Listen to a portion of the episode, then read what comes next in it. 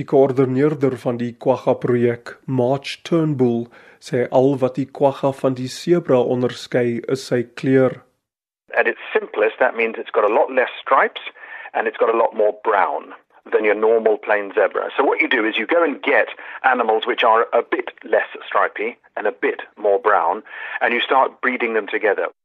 Turnbull sê quaggas is in die 19de eeu vir hulle velle gejag, soveel so dat daar nie 'n enkele quagga oorgebly het nie. in the Karoo, where there is very little grazing anyway, the farmers just didn't want anybody competing with their sheep and their goat and their cows and what have you. So they just got rid of them. Die projek het 3 dekades gelede begin met 19 zebras wat soos kwaggas gelyk het.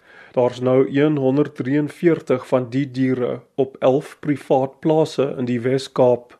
Of 143 animals, nine, I think, at the moment, would probably be able to blend into a quagga herd of the 19th century. And the rest are all quite distinctly quagga like, i.e., they don't look like normal stripy zebras.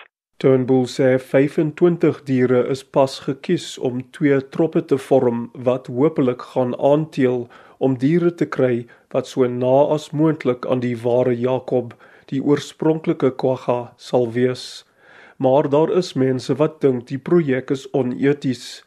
Turnbull plaas die skuld vir die aantuiging op dele van Suid-Afrika se jagbedryf wat kleurvariante van diere soos die springbok teel om gejag te word teen reuse winste enough black springboks in a camp together, you end up with a whole heap of black springboks.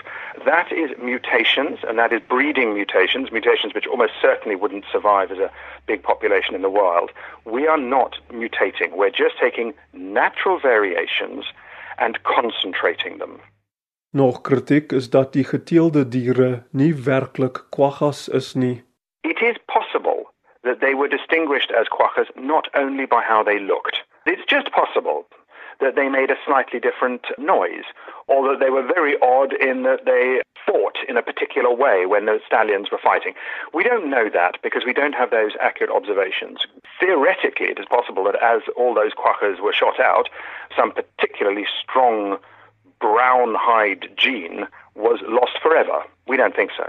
Maar Turnbull sê wetenskaplike navorsing ook oor DNS dui daarop dat die quagga bloot 'n subspesie van die normale sebra was.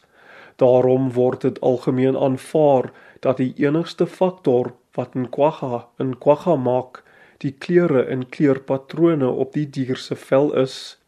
Turnbull sê die projek se plan om quaggas in hulle oorspronklike blyplek in die Karoo te vestig is baie belangrik vir Suid-Afrika se biodiversiteit it's not making money. It's an effort more than anything to undo a wrong that has happened in the past because there's no reason for them to not exist anymore.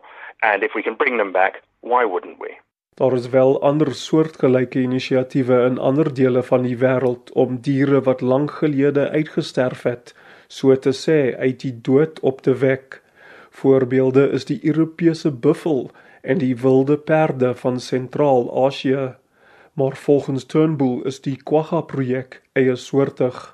There are certainly no rebreeding projects of this sort which have been so carefully and well documented over 30 years. Every animal, we know the mother, the father, and, and their genealogy down five generations. It's probably the most scientifically done project in the world. Turnbull en sy kollegas droom groot vir die toekoms van hulle quaggas. Would like to obviously breed up more animals that are truer to the original type. That's the first thing. Nothing would give us greater pleasure than for them to be seen by the public in public spaces. Turnbull is vol vertroue dat die drome binnekort gaan waar word met die hulp van die departement van omgewingsake. Ek is Darren Taylor in Johannesburg.